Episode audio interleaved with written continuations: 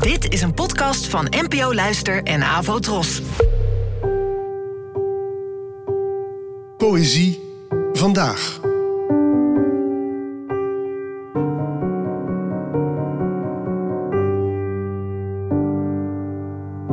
Hallo, dankjewel dat je luistert.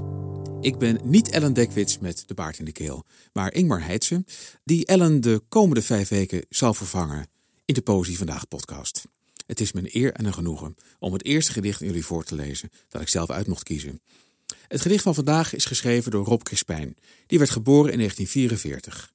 Het heet Verzameling en het is antiquarisch te vinden in het boekje 15 jaar liedteksten uit 1984. Verzameling.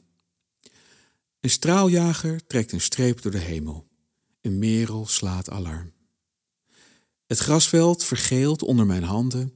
De mollen hebben het warm. De man op de bank in de gloeiende zon praat over Zwitserland, waar de wereld haar geld bewaart. Hij had vroeger ook iets gespaard, maar wat is hij vergeten? Maar goed ook, zegt hij. Gek hoe alles op den duur in een verzameling ontaart. En hij kan het weten. Hij had dozen vol bladeren, één hele herfst in een kast.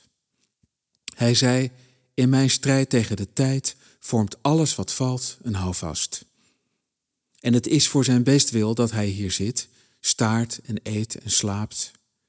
Maar ik weet wat ze onder helpen verstaan. Ze hebben het met de kat gedaan, die ligt nu lui en vatzig voor de haard. De schemering sluipt over het grasveld. De nacht staat op een kier. De man op de bank wordt langzaam doorzichtig. Ik was liever bij jou, maar ik ben hier. Kan een liedtekst een gedicht zijn? Natuurlijk. Zolang je daar maar niet mee bedoelt, zo goed, literair hoogstaand, mysterieus als een gedicht. Want daarmee doe je zowel de liedkunst als de poëzie tekort. Liedteksten en gedichten zijn goed als ze goed functioneren in hun eigen context. Een aanstekelijk liedje hoeft niet per se een poëtische tekst te hebben. Het eerste voorbeeld dat me nu invalt is Bon gepakt van Donny en René Vroger. En getoonzette gedichten kunnen mooi uitpakken, maar toch hoor je er vaak doorheen dat de tekst een beetje tegenstribbelt. Veel gedichten hebben hun eigen muziek bij zich. En omdat veel dichters diep in hun hart gemarkeerde muzikanten zijn, laat die zich niet zonder slag of stoot in een liedje veranderen. Des te groter is het wonder van de combinatie die de tekst van Rob Crispijn in de jaren 70 vormde met de muziek van Herman van Veen en Erik van der Wurf. Teksten die er op papier niet altijd even liedjesachtig uitzien, werden zo vanzelfsprekend getoonzet dat je ze bijna niet meer kunt onthoren als je ze voorleest. En als je de liedjes kent natuurlijk.